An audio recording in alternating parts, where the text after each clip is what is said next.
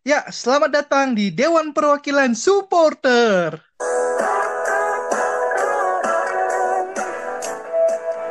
Bagaimana menurut para dewan-dewan ini memprediksi pertandingan antara MU dengan PSG? Bagaimana menurut teman-teman? Dewan Sahrul gimana? Uh, agak seru ya ini pertandingan MU versus Paris Saint Germain yang di mana grup grup apa ini? Lupa. Pokoknya pemuncak klasmen kan MU grup surga kali.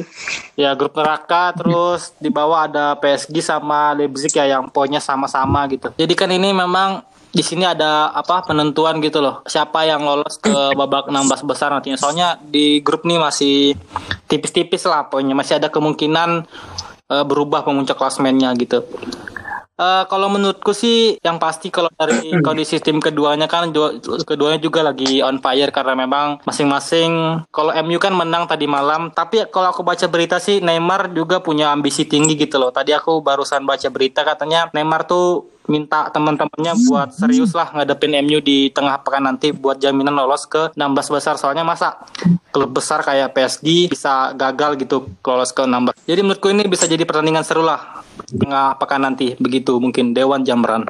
Ah, ya bagaimana kalau menurut Dewan Ilham ini sang juara bertahan Liga Champions gimana? Melihat pertandingan antara melihat pertandingan antara MU dengan PSG akhir pekan ini atau pertengahan pekan ini gimana? Mungkin kalau dilihat dari sisi klasmen kan memang salah satu pertandingan yang menentukan kan ya. Soalnya kan kemarin sudah MU sudah ketemu PSG terus juga menang juga. Mungkin ini apa ya? Intinya pembahasan dendam sih PSG. Dilihat dari kondisi tim sih emang PSG sih agak labil kalau di tiga Perancis kan habis kemarin habis seri lawan Bordeaux terus sebelumnya kalah sama Monaco. Mungkin kalau dari kondisi tim dilihat dari liganya masing-masing mungkin MU sih yang cenderung lebih on fire ya. Soalnya kan kemarin habis menang lawan Southampton. Terus kalau PSG kan juga belum menang dua pertandingan terakhir sih kalau kita Prancis. Kemudian kalau dari komposisi tim sih memang mungkin Cavani sih yang apa ya ingin membuktikan sih ke PSG. Kan kemarin kan sebelumnya juga membela PSG. Terus kalau dari PSG sendiri sih saya agak bingung sih. Strikernya ini Icardi kok gak main-main ya? Kok mesti kok dimainkan Moskin Moskin juga mainnya juga gitu-gitu aja sih. Kasihan Neymar lah gendong gendong timnya sendiri. Itu aja sih. Iya. nah kalau menurut eh, lagi-lagi yang kita bahas ini masalah MU terus ya. Nah gimana kalau menurut pendapatnya Dewan Didi ini selaku fans sejatinya GGMU Waduh, ya memang sih saya juga kaget juga sih lihat jadwal Liga Champions kan uh, apa MU lawan PSG kan Putra Sunan Giri ini. Tapi Iya iya iya. Aku nggak kepikiran ya. Iya iya iya ya. gimana gimana. Tapi kalau dilihat dari dari apa kompo, kondisi bugar kebugaran atau segala macam PSG ini sih lebih diuntungkan sih kalau dari lihat kondisi kebugaran sih. Kenapa? karena PSG ini uh, punya titik titik balik lah buat balas dendam kan apalagi kemarin mm, di kandangnya PSG kan kalah kan lawan King MU kan nah, tapi ya itu kayaknya PSG ini punya ambisi besar buat balas dendam gitu punya hmm. ya, mental lah buat pengen lolos gitu tapi jangan jangan sampai lupa bahwa MU ini on fire gitu. Kata Ilham sih on fire. Memang MU ini aduh gila sih kalau di kandang. Tapi nggak tahu sih kalau lagi-lagi kepada backnya lagi. Tapi uh, sebelum kita memasuki ke prediksi masalah uh, statistik dan prediksi skor ya, uh, melihat uh, hasil pertandingan terakhir kemarin, baik itu di kalau PSG kan di Liga uh, apa Liga Prancis dan MU di Liga Inggris. Nah, kan hasilnya kan beda-beda. Itu kan uh, hasil tersebut apakah pengaruhkah bagi ketua tim yang akan bertemu di pertengahan pekan ini? Gimana menurut pendapat uh, Dewan Ilhamin. Gimana gimana tadi saya Enggak, maksudnya kan kurang dengar. Liverpool apa apa Liverpool. Liverpool. PSG kan imbang kemarin di Liga Prancis. Kemudian MU kan menang. Nah, apakah dari hasil ini kan ya. berdampak positif atau enggak negatif enggak pada pertemuan antara kedua klub besar di pertengahan pekan ini? Gimana pendapat saudara Dewi Ilhami? Ya dengan Jamran. Kalau mungkin kan PSG kan ya mental-mental juara anu sih, juara liga sih. Liga Prancis maksudnya. Tapi kalau kan kan agak gengsi kan kalau sekelas tim PSG kan kan paling ya tampil habis-habisan lah kalau main di Old Trafford. Mungkin ya kalau dilihat dari komposisi pemain sih menurunkan skuad terbaik lah kalau dari PSG yang berpengalaman di Liga Champions kan ada nafas juga kan kemarin kan juga habis menang champion juga sama Real Madrid mungkin itu sih kalau kuncinya menurut Dewan Syahrul hasil pertandingan kemarin tuh pengaruh nggak? Kan kan PSG ini kan eh, imbang. Nah, mungkin itu akan menjadi sebuah evaluasi besar bagi PSG untuk bangkit lagi apalagi di Liga Champions kan levelnya kan tertinggi gitu loh daripada Liga Prancis. Nah, itu bagaimana? Sepakat sih pasti memang sangat berpengaruh ya hasil pertandingan terakhir. Kalau yang diuntungkan sih memang eh, Manchester United karena memang dia baru aja menang menang Piala Dunia ya. Kata fansnya itu seakan-akan menang Piala Dunia. Iya iya iya iya. iya. Jadi mungkin mentalnya lebih lebih bagus lah. Sedangkan di pihak Putra Sunan Giri katanya Didik tadi ya agak terganggu lah masa juga lawan Bordeaux cuman main imbang aja kayak gitu. Tapi lagi-lagi Neymar sih sudah peringatkan teman-temannya kalau bakalan habis-habisan di laga kali ini. Iya ya. Kalau menurut Dewan Didi gimana? Waduh, kalau menurut saya sih ini memang partai sangat deg-degan sih. Soalnya kan MU ini kalau misalnya sudah sangat jemawa, cero- ceroboh gitu permainannya gitu. Cuman ya kembali lagi kayak itu sih apa apa yang dikatakan oleh Dewan Sarul sama Dewan Ilham sih memang benar sih. MU kan lagi diuntungkan oleh on fire-nya itu. Cuman jangan sampai jumawa gitulah buat MU ini. Jangan jangan terlalu perkasa lah. Ya paling kayak prediksi palingnya tipis lah buat MU. Bisa juga Nah. imbang. Ya.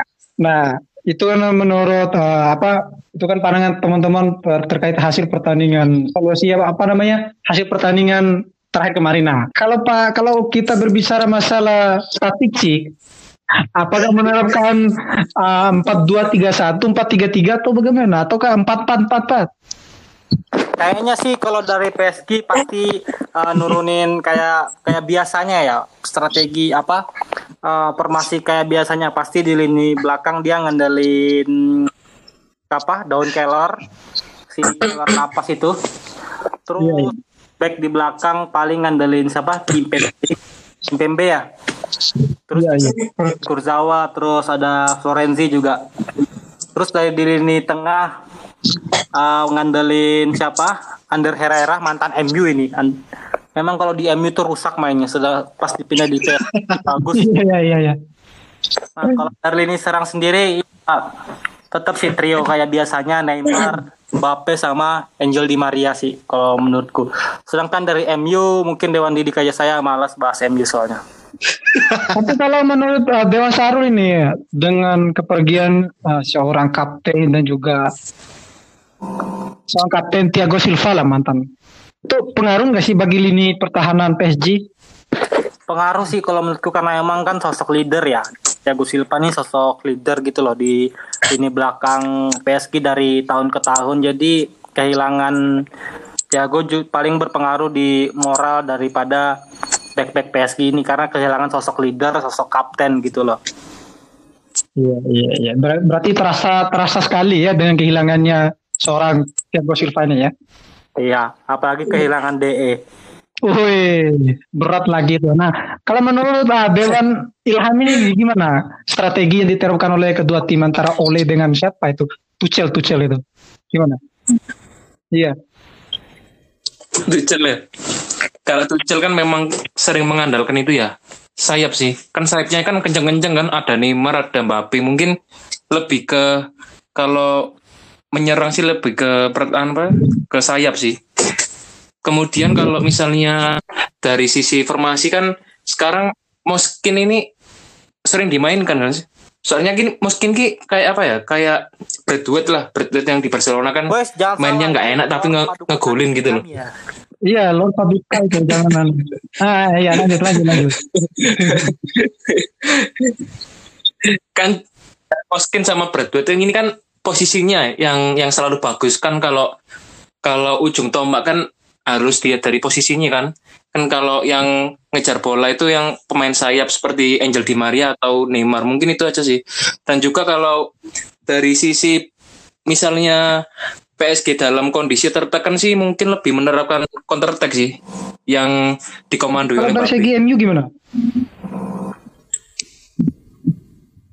Kalau MU sih saya sebenarnya kurang paham ya. Mungkin apa ya kalau MU sih kan kemarin kan juga habis menang lawan Southampton. Mungkin kalau dari komposisi pemainnya sih Cavani dimainkan mulai menit awal sih. Kan kemarin kan juga dimainkan di babak kedua kalau nggak salah ya.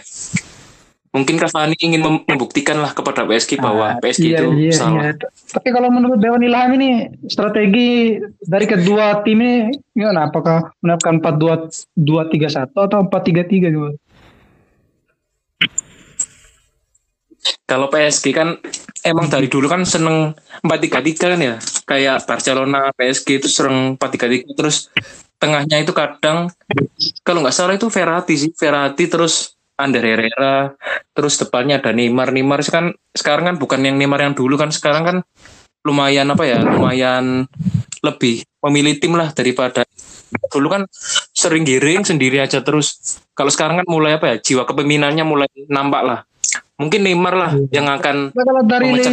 MU gimana menurut Ilham? Strategi apa? Maksudnya 4-2-3-1 juga atau memang 4-3-3 juga? Hmm. Kalau PSG kan tadi kan 4-3-3 kan ya. Kalau sih menurut saya sih 4-2-3-1 sih.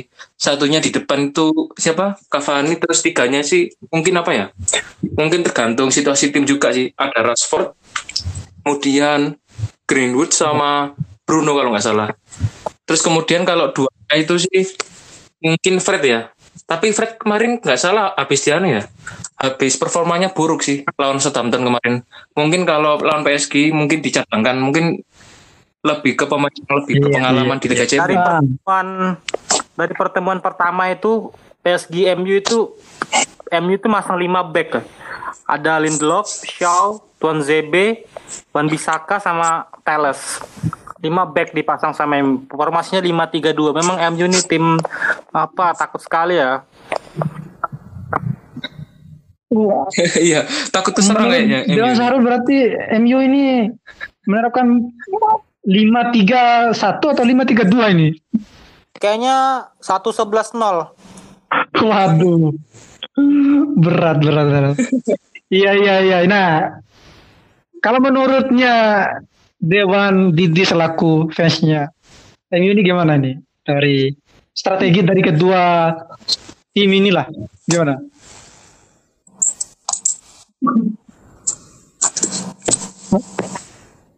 Gimana menurut Dewan Didik ini?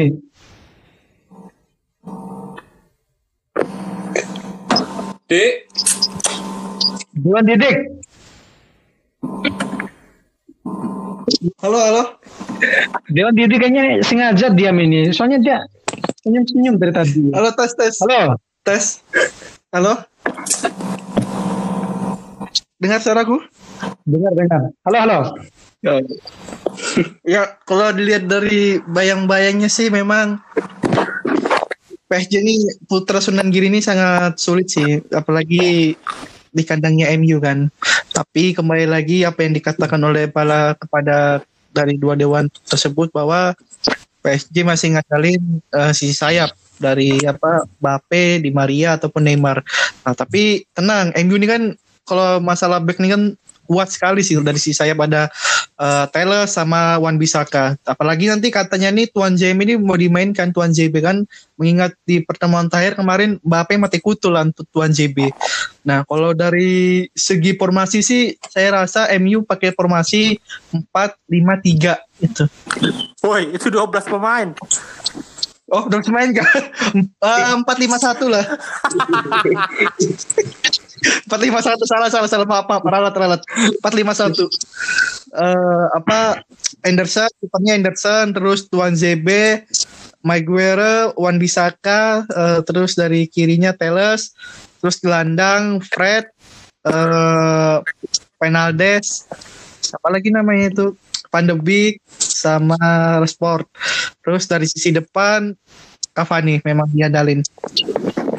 Tapi kalau untuk kalau untuk Kalau untuk bagaimana sistematik dari kedua kubu sih tergantung bagaimana para pelatihnya sih memang kalau menurut saya sih itu. Gimana sih pandangan Dewan Jamran gitu? Iya iya iya iya. Ah, ini sebelum masuk ke pertanyaan terakhir ya. Ah, menurut para dewan ini dari kedua tim ini mungkin bisa menye mungkin bisa sebutkan lah satu pemain aja yang memang sebagai kalau bisa dibilang kan match of the match lah. Nah, siapa? Satu satu satu aja. Dewan Sarul gimana? Siapa ini? Eh, prediksi man of the match ya. Iya ya. Waduh, panjang mikirku nih. Gimana Rul? Dewan Sarul nih. Kalau menurutku Mbappe. Berarti kalau kalau berarti kalau Mbappe kemungkinan besar PSG menang berarti ya. Eh, jelas dong. Ah, ini ini sekalian sama prediksi skor akhir lah. Kira-kira berapa ini? Kalau prediksi skor akhir Madura United 0, Putra Sunam Giri 2. Oh iya berarti 0-2 ya. Oke, nah kalau menurut Dewan Ilham siapa match of the match-nya dan prediksi skor akhirnya berapa ini? Mungkin kalau man of the match-nya itu VAR mungkin ya. Woi, far ya. Soalnya mungkin kan ada salah satu tim nanti yang tidak apa ya tidak diuntungkan lah sama VAR. Kan soalnya kan kadang kan wasit kan apa ya kurang jeli lah kalau ingin apa ya ingin menyelesaikan apa suatu pertandingan itu. Berarti kalau Kalau menurut prediksi skor iya iya gimana gimana? kalau prediksi skor terakhir sih seri sih kosong kosong.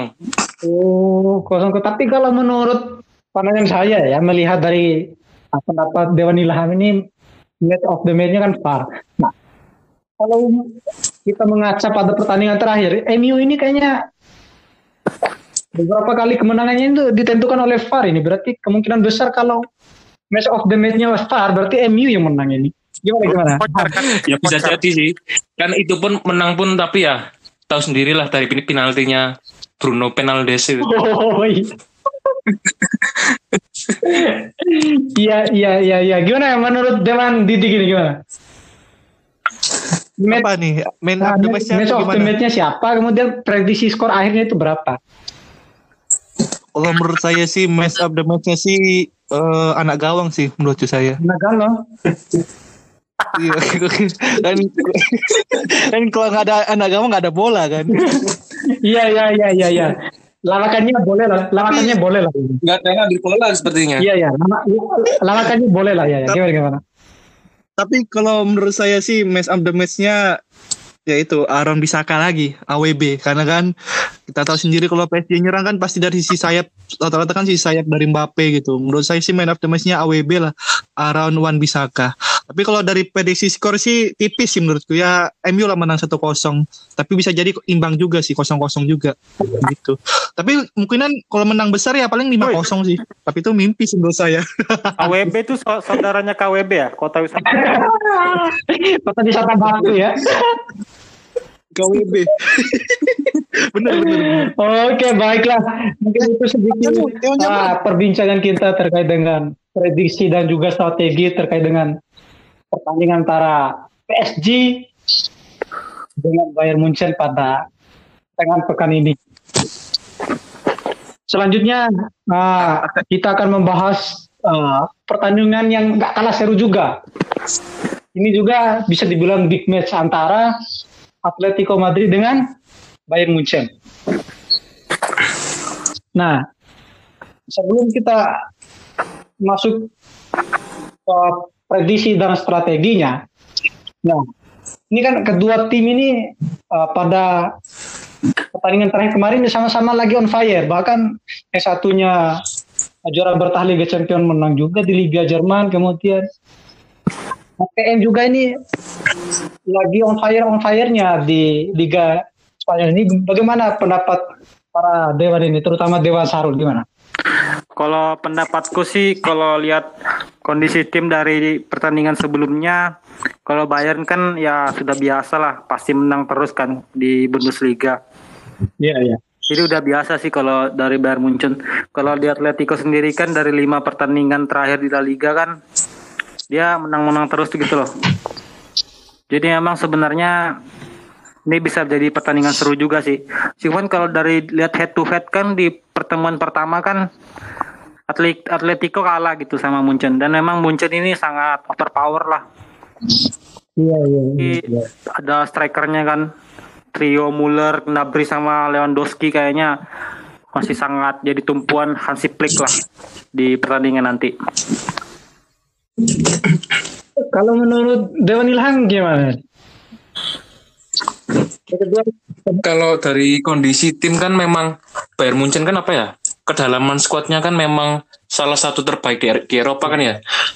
Meskipun ada salah satu pemain yang cedera kan pemain cadangan pun ada yang apa ya kuat-kuat itu loh. Misalnya depannya kalau ada Leroy Sané, kemudian ada Sergi Gnabry, Lewandowski, Muller, terus ada Kingsley Coman, banyak lah. Terus kalau dilihat dari kondisi Atletico kan ini kan sama-sama pemuncak klasmen ya. Yang satunya di Liga Spanyol, satunya ya memang jelas sih Liga Bayern Munchen kan di Liga, Liga Jerman. Spanyol tuh Sociedad. Kalau Liga Spanyol Real Sociedad, bukan Real Madrid ya. Oh iya, maaf maaf maaf maaf. Mungkin nanti yang juara Atletico sih, bukan Barcelona. Nah, kita nggak bahas masalah itu, kita bahas masalah baik itu sama. Oh iya iya. Oh iya maaf maaf. maaf soalnya saya kalau saya kalau bahas Liga Spanyol soalnya kadang ingat Barcelona. Iya iya. iya. Kan Sama kayak sama kayak saya kalau bahas Liga Inggris ingat Liverpool ya. Nah, Spanyol. nah lanjut lanjut gimana gimana? Mungkin ini apa ya? Kalau dari prediksi saya sih memang Atletico kan kalau main di kandang, khusus di Eropa kuat sih. Khusus di Eropa ya. Apalagi kan Bayern Munchen kalau lawannya sama-sama kuat, terus kalau lawannya apa ya parkir bus otomatis ya Munchen agak kewalahan sih. Meskipun sayap kanan sama sama kirinya kan memang cepet-cepet sih kena Bri sama Sané. Tapi kalau dilihat dari prediksinya sih Atletico menang aku 2-1. Iya. Nah, kalau menurut Dewan Didi gini gimana? Waduh, kalau menurut saya sih, aduh, nggak usah ditanyakan sih kalau memang Bayern Munchen ini memang menurut saya paling kuat lah, paling OP lah di sekarang nih Liga Champion ini. Apalagi kan kalau ingat-ingat kasusnya Barca itu, waduh, bikin sakit hati sih emang ingat kasusnya Barca itu. Tapi kembali lagi bahwa eh, kan untuk lawannya kan lawan Mandiri nggak salah ya. Mandiri Oh iya ya. ATM ya ATM ya. Iya iya iya. Nangkap saya nangkap Ya. ya. Oke oke lanjut. ya mungkin ya mungkin. Iya iya iya iya. ya mungkin. Mungkin. Mungkin mungkin Musa menang lagi sih menurut saya sih. Ya paling ya skornya nggak nggak telak banget sih cuman paling 2-0 atau 3-0 lah buat Munchen tapi kalau uh, Mandiri ini kan kuat banget nih Mandiri ini. Mulai dari lini belakang itu kuat banget sih Mandiri ini. Apalagi topang dengan eh, siapa lini tengahnya kan BNI itu nah terus kalau dari depannya kan BCA kan Suarez kuat banget sih menurut saya Iya iya iya. iya. itu dia kan Tapi kalau tadi kan menurut uh, Dewan Ilham kan skuad kedalamannya Bayern Munchen ini sangat-sangat kuat sekali. Tapi kalau menurut Dewan Sarul gimana? Skuad kedalaman dari kedua tim ini gimana? Ya kalau memang ya bener sih ya kalau Munchen sih emang kedalamannya ngeri sih skuadnya dari cadangan sudah disebutin sih tadi sama Dewan Ilham.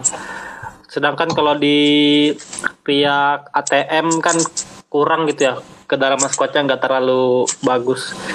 Kayak gitu sih kalau pendapatku kayaknya ini kalau Munchen ketemu MU nih 92 kayaknya. Woi, lebih besar lagi ya dari le- lebih besar lagi ya dari King Barca ya. Iya. Iya iya iya. Nah kalau kalau nah sekarang kita membahas masalah strategi. Kira-kira strategi apa yang diterapkan oleh kedua pelatih yang berpengalaman ini antara Simeone sama siapa itu pelatihnya Bayern Munchen itu? Nah itu dia. Gimana menurut saudara Didi ini? Strategi apa yang diterapkan oleh kedua pelatih? Menurut Dewan Didi gimana? Oh, aku gak? Strategi. Kalau dari strateginya sih gimana ya? Waduh, Munchen ini memang gila sih menurut saya. Apalagi kan sayapnya kan kuat banget sih. Tapi kalau strategi sih paling saya tahu nih yang 4-3-3 lah strateginya. Terus kalau ATM ini seperti biasa antara 4-4-2 atau 4-5-1 itu kayak strateginya MU. Cuman ya itu uh, lini pertahanannya uh, Mandiri ini kan kuat banget kan lini pertahanannya Mandiri ini. Kayak gitu sih. Cuman kalau dari segi mentalitas sih memang aku akui Munchen sih unggul banget dari segala lini kalau mentalitasnya itu mentalitas juara lah gitu. Iya. Yeah. Kalau menurut Dewan Ilham gimana strategi antara kedua? Mungkin strateginya sih Munchen ya tetapkan menerapkan ball possession ya. Kan Munchen kan sebenarnya hampir sama kayak Barcelona sih. Lebih mengunggulkan ball possession. Kemudian kalau dari seginya AT, apa AT, ATM mungkin ATM ini apa ya? menerapkan counter attack sih. Soalnya kan depannya kan yang ngeri-ngeri ya. Joe Felix sama Angel Korea kan ya. Cepet-cepet lah mainnya. Kan soalnya kan backnya Munchen kan hebat sih. Tapi kan agak lambat lah. Yang Boateng sama apa? Sule itu. Andre, Sule. Sule, kenapa kok bisa main di Bayern Munchen? Sule padahal komedian kan? mungkin pindah profesi Iya, mungkin iya, iya. Dewan Jamran. Nah kalau menurut Dewan Sarul ini dari strategi antara PSTNI dengan Bayangkara Polri ini gimana? Kalau Bayangkara pasti nerapin backnya Indra Kahfi sama Jajang Mulyana ya. Iya iya iya. Iya. Di Kara ada Gede, hanya Hargianto, ada Iya. RP, strikernya Zumafo Effendi. kalau kipernya kipernya siapa tuh itu? A- apa namanya? Saya tahu Ah, saya Awas tahu. Setor Harjo. Ya, Ah, ya, masuk aja langsung ke ini. Bayern Munchen dengan ATM ini gimana? Kalau Bayern Munchen pasti ya strateginya sih kalau menurutku 4-2-3-1 ya. Pasti belakang kan ada Lord New Year, terus ada Hernandez, David Alaba sama Sule. Terus di kiri ada Benjamin Pavard. Oh iya. Terus kayaknya ya terus eh pivotnya ada Goretzka sama Tolisso yang jadi andalan dari Hansi Flick ini. Kalau dari striker sendiri sih pasti Lewandowski, tapi kalau di lini tengah ini yang jadi pertanyaan sih bisa jadi Kingsley Coman, Thomas Muller, Sergei Gnabry atau Leroy Sen yang yang bisa jadi apa pendukung Lewandowski lah di lini serang. Kalau dari Atletico sendiri ya pasti ah strategi Atletico kan parkir bis saya. Andalan Atletico tuh gitu-gitu aja, counter counter dan counter. Paling Suarez yang jadi pembeda di Atletico. Tapi kalau menurut ah, para dewan ini dengan kehadirannya Suarez di ATM ini berpengaruh nggak sih? Menurut Dewan Ilham lah, gimana gimana? Kan kalau nggak salah kan debutnya Suarez kan hebat ya. Mencetak dua gol kalau nggak salah. Tadi kan ya emang klop sih sama strateginya Diego Simeone. Apalagi kan ya Suarez nggak usah adaptasi lagi di Liga Spanyol kan. Kan dari klub Spanyol ke klub Spanyol nggak usah adaptasi. Jadinya kan Suarez hebat lah memang salah satu striker terbaik lah. Kalau menurut Dewan Sarul gimana? Kehadiran Suarez di lini depan ATM ini berpengaruh banget nggak sih? Apalagi ini kan, apalagi ini kan ah, bertemu dengan juara bertahan Liga Champions ini gimana? Eh, kalau Suarez sih emang masih tajam ya, cuman aku nggak paham juga kenapa Ronald Koeman tuh lepasin Suarez kayak kayak gitu aja padahal tuh salah satu top skor kedua klub King Lord Barca gitu. Itu sangat buang Iya sih. Iya. itu sih menurutku. Oh iya, ini terakhir ya, pertanyaan terakhir ini. King of the match dan eh, King of the match, match, match of the match lah. Sama prediksi match. hasil akhir lah. Berapa ini? Dewan titik dulu lah.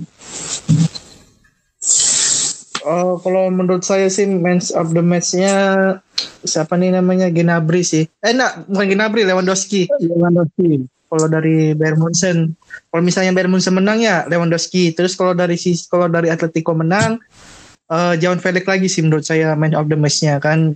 Kalau dari prediksi sih sulit sih memang antara Bayern Munchen dan Atletico apalagi di kandangnya Atletico ya nih ya. Wanda apa Wanda, namanya Wanda? Metro, Wanda apa namanya? Metropolitano.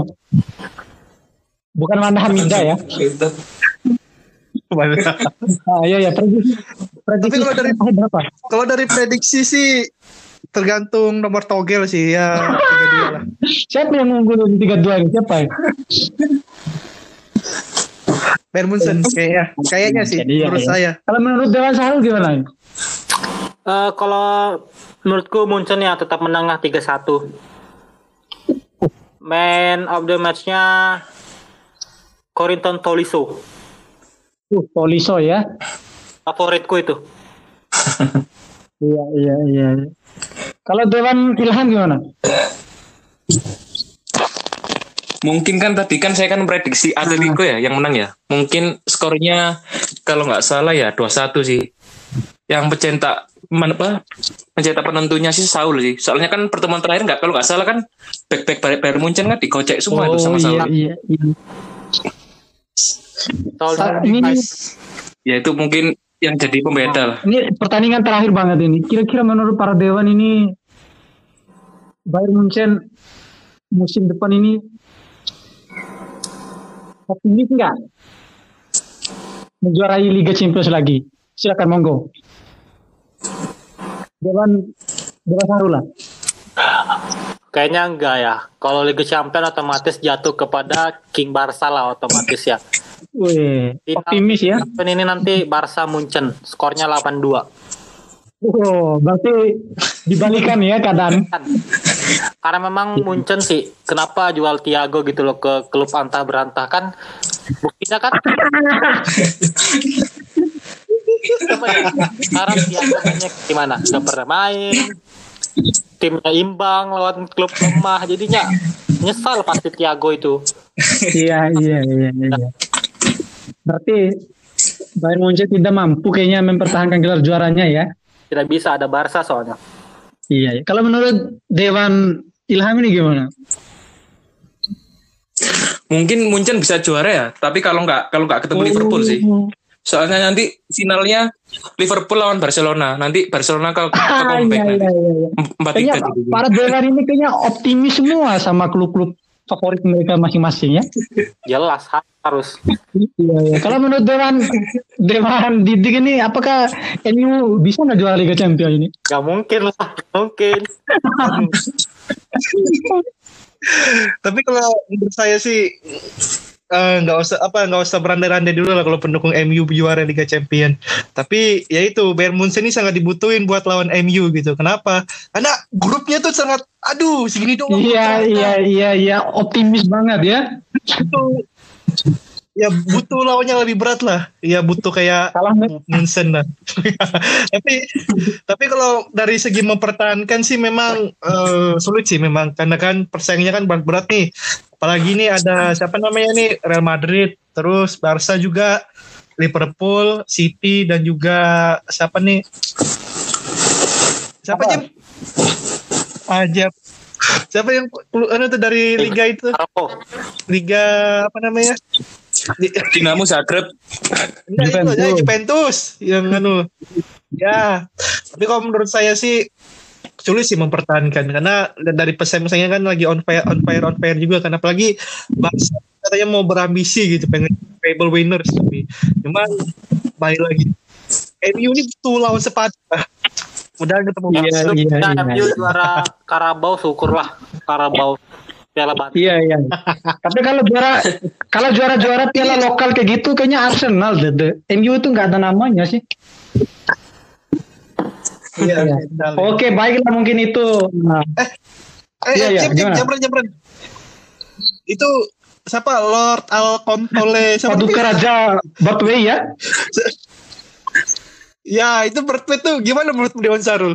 Kok, bisa disebut anu Lord El Contole? Aku Karena ngakak memang baca itu. dia tuh orang lain ngegolin pakai kaki atau kepala, dia ngegolin pakai paha.